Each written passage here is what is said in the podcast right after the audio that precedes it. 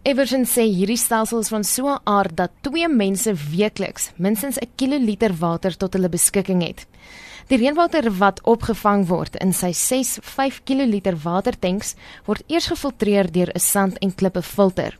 Die water bly in die tanks en as jy dit wil gebruik, word dit weer gefiltreer voordat dit na die huis gepomp word. Die eerste gebruik van die water is dan met ander woorde die drinkdoeleindes en die was, en dan bedoel ek maar al die soorte wasse, jouself was, die skottelgoed en ook die wasgoed was. Sodra die water een keer gebruik is, dan noem ons dit grijswater Nou die huis is so ontwerp dat daar binne in sy se plantebakke, dis 'n 20 vierkante meter plantebak waarheen die grijswater dan ingaan. Die binnenshuise plante gebruik dan die water die tweede keer. Hierdie bak is waterdig en is gebou soos 'n swembad wat dieper word aan die een kant. Dis op die bodem gevul met gruis, gevolg deur grond waarin die plante groei. Die plantebak begin met 600 mm aan die een kant loop dan al hoe dieper tot op die einde 'n meter diep is. En daar is dan 'n tweede pompstelsel wat die water dan gebruik om die toilet mee te spoel. Dis dan gefiltreerde grijswater. Op daardie stadium is die water gefiltreer deur die grys en ook deur die plante. Die stadium waar dit kom in die put, is die water weer helder. So as jy jou toilet spoel dan met die gefiltreerde grijswater dan is dit nie asof dit nou modderig is of wit is of grys is nie, veel te my helder. Die toiletwater word geklassifiseer as swart water en loop na 'n septiese tank. Van hier af loop dit oor in 'n sypelsloot en word gebruik vir die plante buite die huis. Dit beperk egter hoeveel plante in jou tuin kan nat lê sonder munisipale of boorgatwater. As jy dan wel plante in die buitekant het, dan sal jy moet ekstra water koppel aan sê maar of jou grijswater stelsel of miskien dan selfs aan jou septiese tank en dan 'n vierde 'n derde pomp hê om in die buitekant ook water te gee.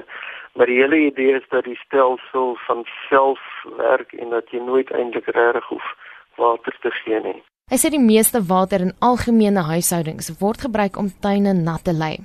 Volgens Everson moet jy dus kyk watter plante inheems is aan jou omgewing en probeer wegbly van grasperke. 'n Gewone tuinslang wat omtrent 'n uur lank loop, pomp omtrent 'n kiloliter. So as jy jou grasperk nat maak vir 'n uur lank, dan gebruik jy 'n kiloliter water.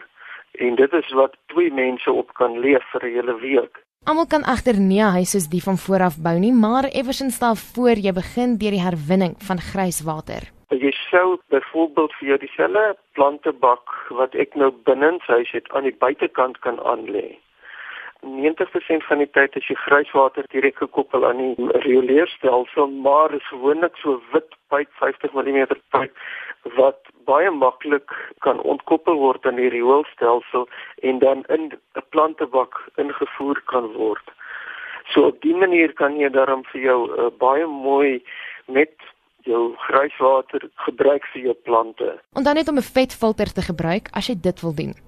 Verstedelinge wat woonstelle huur, stel hy voor dat as die warm water lank vat om warm te word, gebruik die koue water om toilette te spoel of plante nat te maak. 'n Baksteen in jou toiletbak kan ook help, maar deesdae is toiletbakke juis kleiner om water te bespaar. Hoë druk stortkoppe is ook effektief en hy sê die opvang van reënwater is net so belangrik. Vir mense wat nou nie so huis het nie, kan ek voorstel begin met 'n tank kry wat water kan opvang.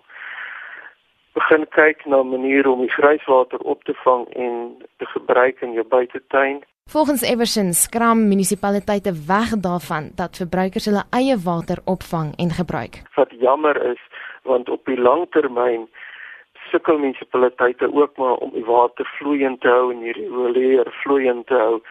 So hoe meer ons self kan doen, hoe beter maar dit is 'n baie moeilike proses om dit in te skerp by die munisipaliteit dat hulle moet eintlik ook in die rigting begin dink.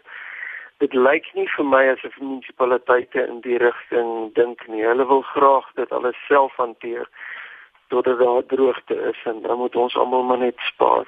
Dit sou eintlik beter wees as hulle wel jou forceer om ten minste 'n 5 kl tank in jou erf te hê. Dit was Ludwig Everson, 'n elektroniese ingenieur en eienaar van 'n selfonderhoudende aardskiphuis in Orania. Ek is Marlene Forsie vir SAK nuus.